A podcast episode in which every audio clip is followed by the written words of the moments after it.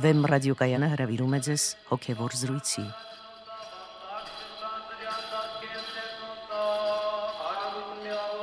Սիրելի ունկնդիրներ, Վեմ ռադիոկայանի եթերում են արժանապատիվ Տերմեսրոպ Քահանա Արամյանը եւ Մանուկ Երգենյանը։ Այսօր մեր զրույցի թեման տնտեսիկ իրակին է։ Օրհնեցեք Տեր հայր։ Աստված օրհնի։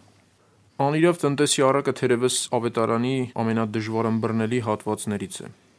Այն տեղիք է տվել բազմապիսի եւ բազմակողմանի մեկնաբանությունների։ Առակում պատկերվող տնտեսի կերպարը դյուրին չէ միանշանակորեն գնահատել եւ հասկանալ։ Փորձենք հասկանալ այս պատմության իմաստը։ Պատահական չէ, որ մեր եկեղեցու հայրերը Պարքիաս Կիրակիների շարքում անառակի Կիրակից հետո դրել են այս Կիրակին։ Մեծ Պարքիաս Կիրակիների խորհուրդների եւ հոգեվոր կոչերի հաջորդականությամբ եկեղեցին մեզ մտցնում է որոշակի հոգեվոր տրամադրության մեջ մեղքերի գիտակցության, դարձի անհրաժեշտության, աստվածային անհուն ներողամտության խորթից հետո, որը մեզ տրվում էր անառակ որդու առակով, ինչ է ուսուսանում մեզ այս պատմությունը, որն է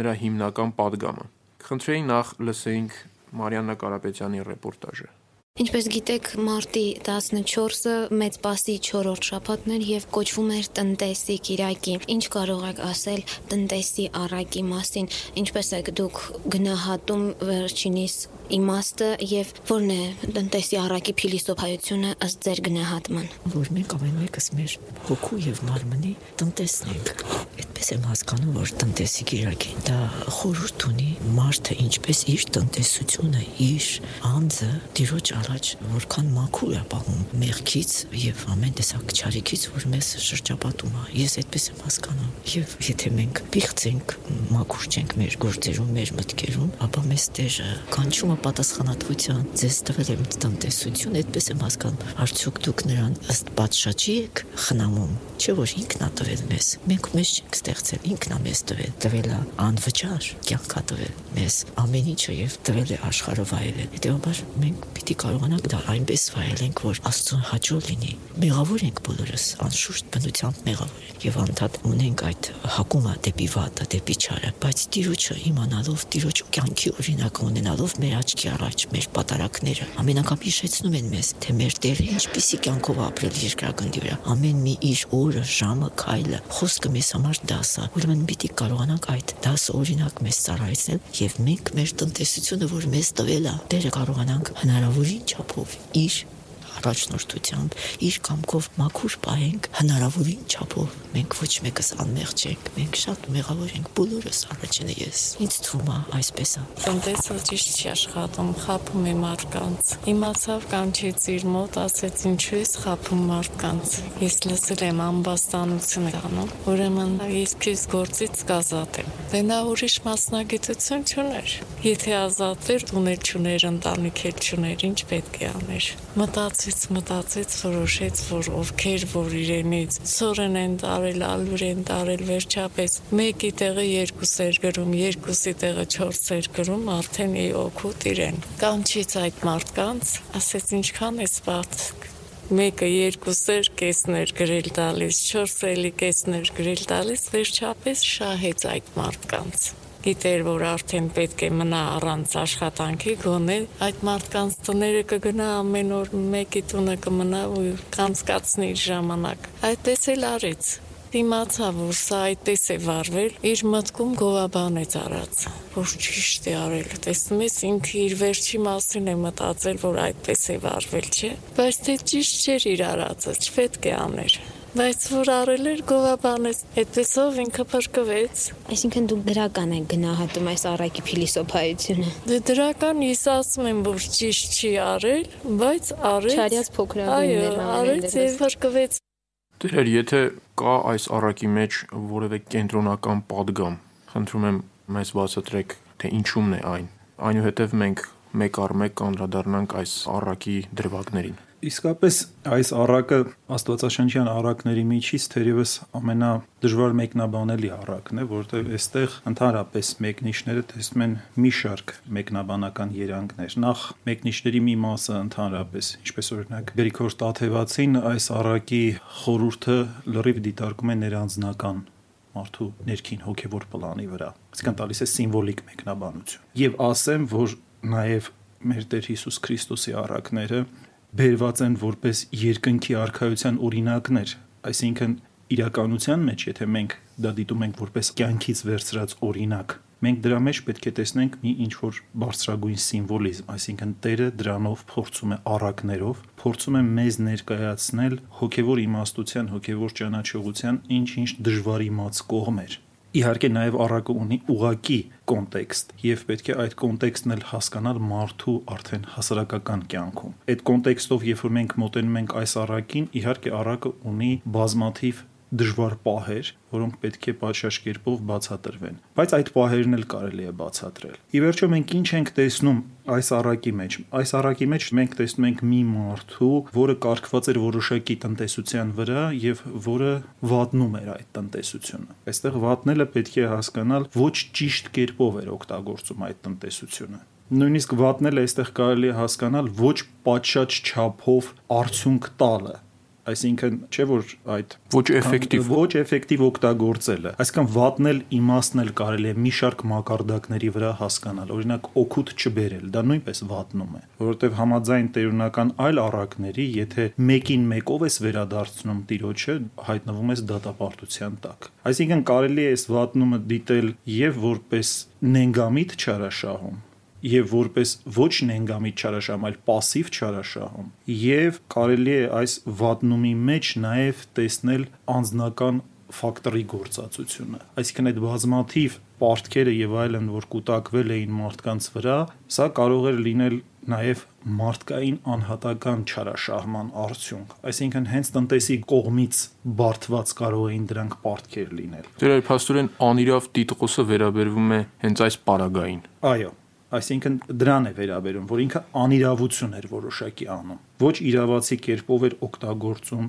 իր տիրոջ ունեցվածքը։ Այլ ոչ թե որ ինքը զիջեց սպորտքերը։ Ոչ, որտեվ դրա համար ինքը գովաբանվեց։ Բայց շատ հետաքրքրական է այս պահը, որովհետև շատերը, որոնք փորձում են հակառակվել այս առակին իբրև դրական առակի, ասում են, որ փաստորեն նրա արածը պարզապես մի խորամանկություն էր, մի ճարպկություն էր ինչ որ հնարամտություններ եւ ինչպես կարելի է հոգեվոր բարիքների արժանանալ որոշակի խորամանկության միջոցով, նենգության նույնիսկ միջոցով, ինչպես կարելի է դրան արժանանալ։ Բայց մենք պետք է նորից վերադառնանք այն բանին, որ սա սուրբ գրային առակ է։ Այսինքն Տերը որոշակի հոգևոր ուսուցում է մեզ տալիս, որոշակի падգամ է մեզ տալիս։ Ի վերջո այդ հնարամտություն անելով այս անիրավ տնտեսը ինչ եզրակացության հանգեց։ Ինչ արեց այդ հնարամտության արդյունքը եղավ այն, որ ինքը հասկացավ, որ ինքը պետք է ների մարդկանց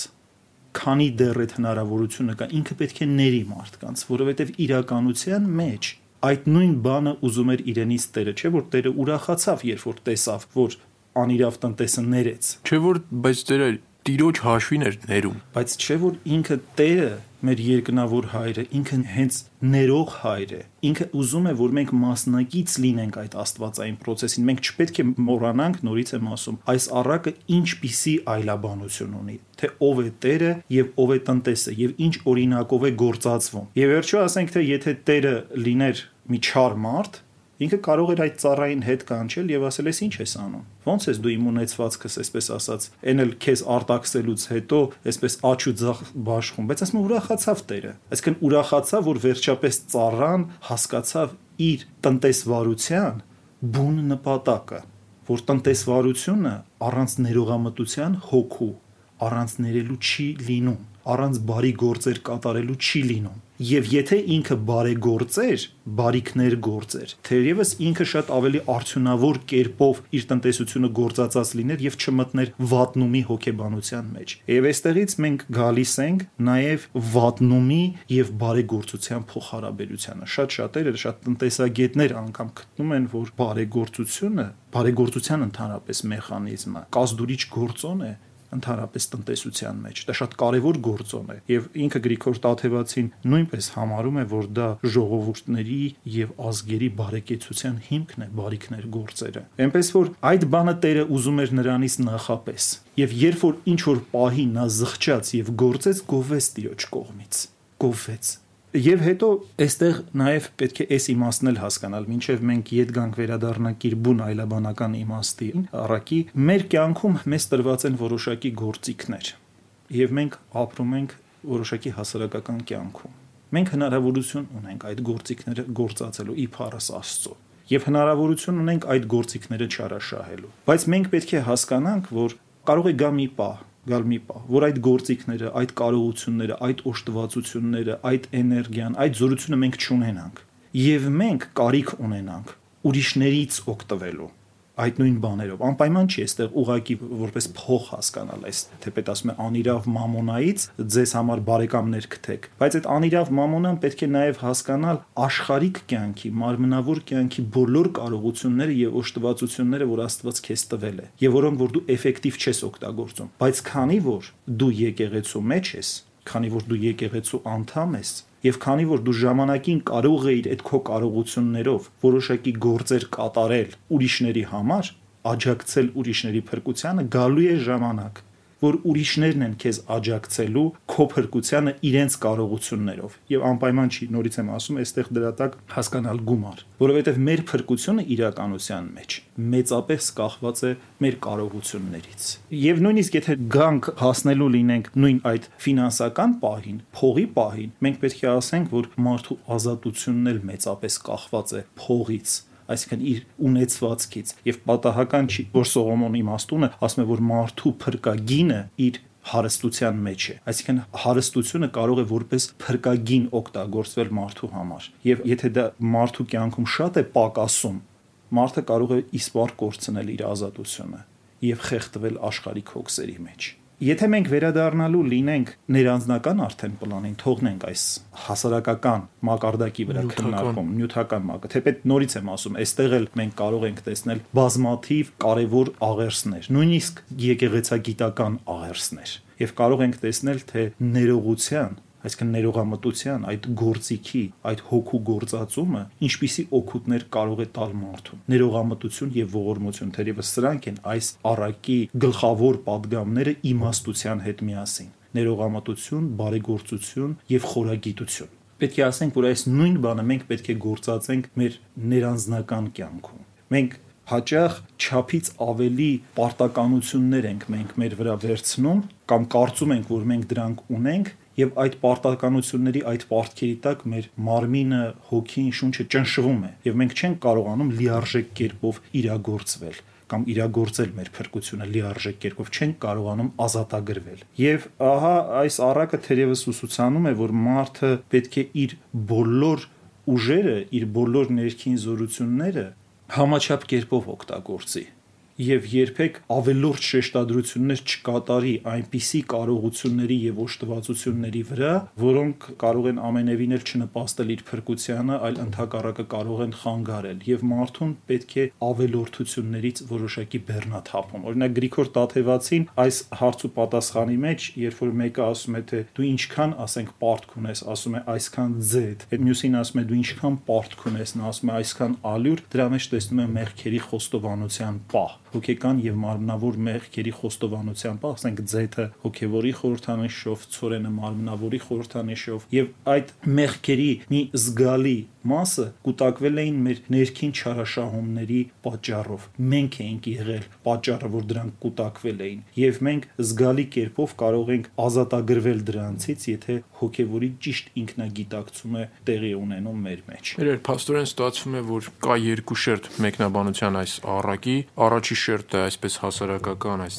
ներանձնային շերտը, որտեղ հիմնական պատգամը փաստորեն ներողամտությունն է, եւ երկրորդ շերտը, որը տրվում է Գրիգոր Տաթևացու կողմից, դա փաստորեն մեղքերի խոստովանությունն է, որտեղ այդ ներումը պարտքերի դիտարկվում է որպես հոգեվոր եւ մարմնավոր մեղքերի ներում։ Այո, Թույլ տվեք անդրադառնալ նորից նյութական կողմին այս հարցի։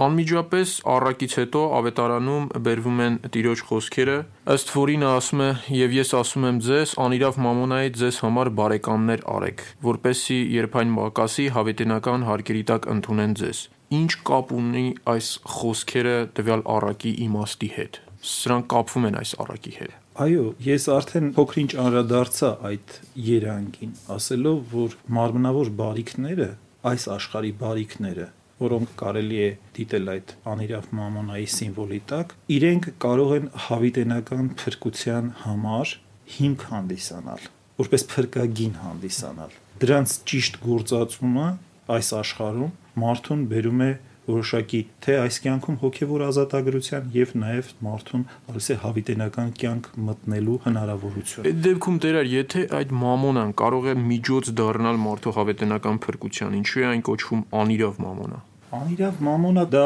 սիմվոլիկ արտահայտություն է։ Անիրավ մամոնա արտահայտությունը վերաբերվում է, ասենք օրինակ, փողին, անիրավ մամոնա է այն անվանվում թերևս այն պատճառով որ աշխարհում շատ չարաշահումներ են տեղի ունենում այդ փողի պատճառով եւ փողը հաճախ դառնում է նեգատիվ սիմվոլ այսինքն նեգատիվ իմաստ է ձեռք բերել այսինքն անիրավ մամոնա այստեղ ասելով ինքը նկատի ունի որ դա վտանգավոր մի բան է մարդու ձեռքին որը կարող է կործանել մարդուն բայց մյուս կողմից մարդուն կարող է տանել դեպի հավիտենական կյանք եւ այստեղ ես կարծում եմ որ շատ կարեւոր է կենտրոնանալ նորից ողորմության գործերի վրա, որովհետև ի վերջո լավագույն բանը, որ այս աշխարհում դու կարող ես անել Աստծո տված բարիքներով, Աստվածանմանությունն է։ Իսկ Աստված ողորմած է։ Եկեղեցու հայրերը ասում են, որ ոչինչ այնքան մարդուն Աստվածանման չի դարձնում, որքան ողորմության գործերը։ Եվ ասում են, ուզում ես դու մի քանի օրից լինել երկնքի արխայության դռների առաջ եղիր ողորմած։ Հովան Ոսկեբերյանը ասում է նաև, որ աշխարհում գտնվող քրիստոնյաների փրկության հիմնական ուղին ողորմության գործերն են շատ հետաքրքիր է որ ինքը աղոթք, պահք, ողորմություն այս երեք առաքինություններից հատկապես շեշտադրում է կատարում ողորմության առաքինության վրա, ասելով, որ աղոթքը, պահքը շատ կարևոր են քրիստոնյայի կյանքում, բայց դրանք հիմնական միջոցներ են վանական կյանքի, այսինքն, երբ որ մարդը աշխարհի հետ ունի շատ քիչ կամ սահմանափակված փոխհարաբերություն եւ մարդը աղոթքով եւ ճգնակեցությամբ մի խոսքով հասնում է փրկության, բայց աշխարհում գտնվող քրիստոնյաների համար հիմնական ճանապարհը ողորմության գործերն են եւ հատկապես մեծ պահքի շրջանում այս ողորմության падգամը շատ կարևոր է, որովհետև առանց ողորմության չկա պահք, առանց ողորմության ընդհանրապես չկա առաքինություն, որովհետև այն ինչ որ որ մենք պահում ենք կամ խնայում ենք կամ տնտեսում ենք, այն պետք է ընծայենք Աստծուն պետք է ողորմության գործեր անել, որովհետև մարդուն անելով մենք դա տալիս ենք Աստծուն, ասում եմ, եթե այս փոքրիկներից մեկին արեցիք, ինձ համար արեցիք։ Այսինքն ողորմության գործը ուղակի ուղված է առ Աստված։ Եվ ստացվում է, որ մենք Աստծուց ստանալով նվեր ենք տալիս Աստծուն, որտեղ ցանկացած բարիք ի վերջո մենք Աստծուց ենք ստանում։ Եվ Աստված պահանջում է, որ մենք անընդհատ ընծայենք իրեն,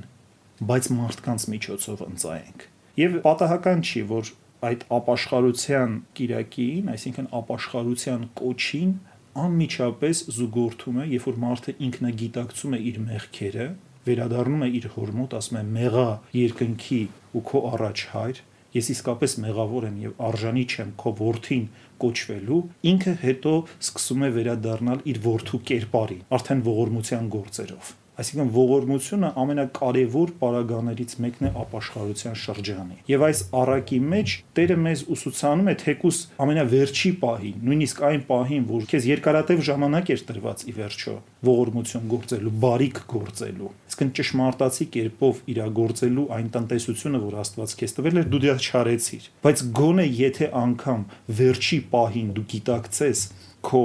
այդ թույլ տված ճակատագրական սխալը եւ ներես մարդկանց հասկանաս որ քեզանից պահանջվում էր բուն գործը դա էր եւ եթե դու դա արած լինեիր դու կսրբեիր բոլոր քո թերությունները գործի եւ գովված կլինեիր տիրոջ կողմից եւ չէիր ամբաստանվի եւ այդ բարիք գործելով ներողամտություն գործելով դու չէիր չարաշահի նաեւ քո տիրոջ ունեցվածքը Դերեր, բայց փաստորեն սա հնարավոր չէ տրիվիալ կենցաղային մակարդակում հասկանալ, որովհետև եթե ինքը անիրավ էր այն առումով, որ ինքը էֆեկտիվ կառավարիչ չէր, բայց քանի որ հետո էլ ասում ենք, որ Տերը գովեց նրան, որովհետև ինքը ողորմածությամբ եւ ներողամտությամբ մոտեցավ, բայց փաստորեն ինչ էր, չէ՞ որ տիրոջ ունեցվածքը պակասեց ի վերջո։ Այսինքն, եթե սա հասկանանք շատ մեխանիկական եւ տրիվիալ առումով, ապա հակասություն կա առակի մեջ։ Եթե Աստված չէր այդ Տերը, այլ սովորական ինչ որ մի մարդ, որին ինչ որ մեկը ծառայում է, ապա այս առակը լրիվ հակասություններ է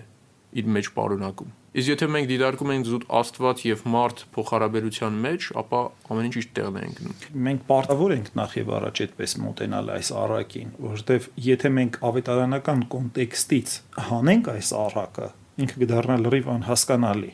ինքը կարող է լրիվ սխալ մեկնաբանել, այնպես որ չի կարելի այս առակը առանցին սոսկ մեկնաբանության ենթարկել առանց տերունական մնացած առակների, առանց հասկանալու դրանց փրկաբանական համատեքստը։ Եվ նույնպես էլ ասենք այս առակի մեծ պահոց կիրակիների այդ ընթերցվածների մեջ այս առակի տեղադրվածությունը պատահական չէ ինքը պատահական տեղում չէ։ Այգուզենայի մի փոքր ավելի խորը դրա մասին խոսենք։ Ինչու էր նախորդող Կիրակին անառակի Կիրակի եւ հետո դրվում է այս Կիրակին։ Կապը ո՞րն է։ Անշուշտ կան զուգահեռներ։ Կան զուգահեռներ, որ նույնիսկ անառակ worth-ին համանման մի բան է իսկն ինքը նույնպես վատնել էր իր հոր ունեցվածքային բաժինը, որ հայրը իրեն տվել էր եւ վերադարձել էր հոր մոտ։ Բայց հիմա արդեն այս Կիրակիով մեզ ուսուցանվում է ապաշխարության ամենակարևոր ուղություններից մեկը, թե մենք ինչպես պետք է մոտենանք ապաշխարությանը, որ առանց ողորմության գործերի եւ առանց ներողամտության հոգու մենք չենք կարող ներվել եւ ողորմություն գտնել Աստծուց։ Եվ նույնիսկ ուշացումով, եթե մենք կարող ենք դա գիտակցել ու հասկանալ, ինչու ուշացումով, որովհետեւ ցանկացած պահ արդեն ուշ է մեր փրկության համար, ինչ որ առումով։ Ցանկացած պահ մենք կարող ենք արդեն ուշացած պահ համարել որ մեր կյանքի զգալի մասը վատնեցինք եւ մեր փրկության համար ոչինչ չարեցինք եւ Աստծո բարգությունը մեր վրա շարժեցինք։ Ուշ է նաեւ որովհետեւ առակի մեջ նաեւ Տերը հանում է գործից, չէ՞։ Այո, այսինքն հանում է գործից եւ սա կարելի է դիտել արդեն որոշակի ապաշխարության շրջան կամ մեծ պահոց շրջան կարելի է դիտել։ Այսինքն մենք մեծ պահոց շրջանը կարող ենք դիտել հենց այն ժամանակաշրջանը, որ Տերը հատուկ մի ապաշխարություն է դնում մեզ վրա եւ ասում է ավելի լավ է ուշ քան երբեք սթափիր ով մարդ սթափիր մի հատ նայիր անցած կյանքի վրա տես թե դու ինչպես ես մարտնչել աստծո դեմ տես թե դու ինչքան ես կարևորել քո մարդկային կարողությունները տես թե ինչպես ես չարաշահել աստծո տրված բոլոր բարիքները սթափիր եւ գոնե այս պահին հասկացիր որ մեծագույն բանը որ կարող ես անել դու աստծուն նվեր մատուցելն է ներողամտությամբ եւ ողորմությամբ Վերջ, այս առակը վերջանում է հետևյալ խոսքերով, որ այս աշխարհի worth-իները ավելի հնարամիտ են, քան լույսի worth-իները իրենց սերնդի մեջ։ Ինչ է սա նշանակում։ Ովքեր են լույսի worth-իները եւ ովքեր են աշխարհի worth-իները։ Սա շատ հետաքրքիր բան է, որովհետեւ այստեղ աշխարհի worth-իներ ասելով ինքը նկատի ունի այս աշխարհի իմաստության հետևորդներին եւ լույսի ворթիները ասելով Տերը նկատի ունի հոգևոր գիտակցություն ունեցող մարդկանց։ Եվ երբեմն այս աշխարհի ворթիները իսկապես շատ ավելի ճարպիկ եւ հնարամիտ են գտնվում, քան լույսի ворթիները։ Եվ ասենք օրինակ դա կարելի է տեսնել Մաքսավորի օրինակի մեջ, որ ինքը շատ արագ կարողացավ հասկանալ, որ ինքը պիտի ապաշխարի կամ ավազակի օրինակի մեջ մենք կարող ենք տեսնել, բայց շատ հաճախ այն մարդիկ, որոնք, այսպես ասած, լույսի ворթիներ են կամ առաքինի կամ արթար կյանքով են ապրում, իրենք հոգևորի բուն իմաստը չեն կարողանում հասկանալ չեն կարողանում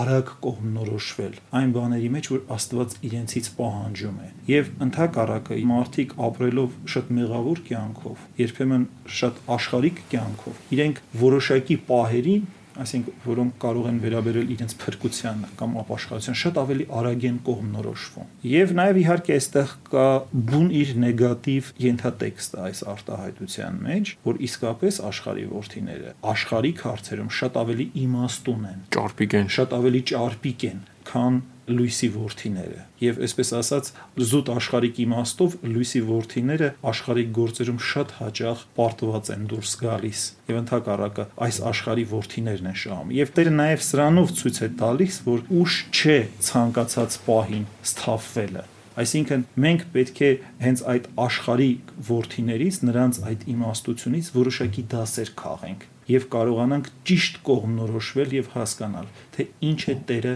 մեզանից պահանջում։ Բայց ինչու են լույսի ворթիները ավելի parzanlit, չէ՞ որ իրենք ունեն այդ աստվածային իմաստությունը, ըստ սահմանման պիտի ունենան։ Ինչ որ մի բան խախտվում է, երբ որ մարդ ավելի աստծուն մոտ է կամ ինչու են իրենք ավելի parzamit, ավելի քիչ հնարամիտ են։ Չէ՞ որ մի ժամանակ էլ իրենք աշխարի ворթիներ էին ոչ միայն դարձը։ Ճիշտ է, այստեղ մինչև վերջ մենք չենք կարող այնց բուն այդ իմաստով օգտագործել այս արտահայտությունները լույսի worth-իներ կամ։ Այստեղ ուղղակի բացարձակացված են այդ արտահայտությունները։ Այսինքն լույսի worth-իներ իրենց անմեղությամբ արզամտությամբ եւ այս աշխարհում ինչ որ առումով չկողմնորոշվելու այսպես կարողությամբ եւ այս աշխարհի worth-իներ, որոնք շատ ճարպիկ են այս աշխարհի մեջ կողմնորոշվելու համար։ Եվ վերջո, այստեղ պետք է նաեւ նկատի ունենալ, որ բերված օրինակը խիստ աշխարհիկ իմաստության մի գործածություն էր, որից պետք է լույսի worth-իները խորագիտության դասեր քաղեն։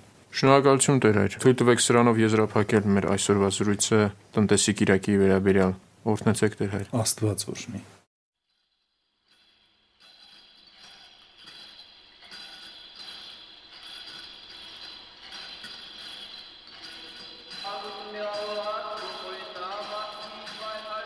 Հոգևոր զրույցներ հաղորդաշարի հերթական հաղորդումը վարեց Մանուկ Հերգնյանը։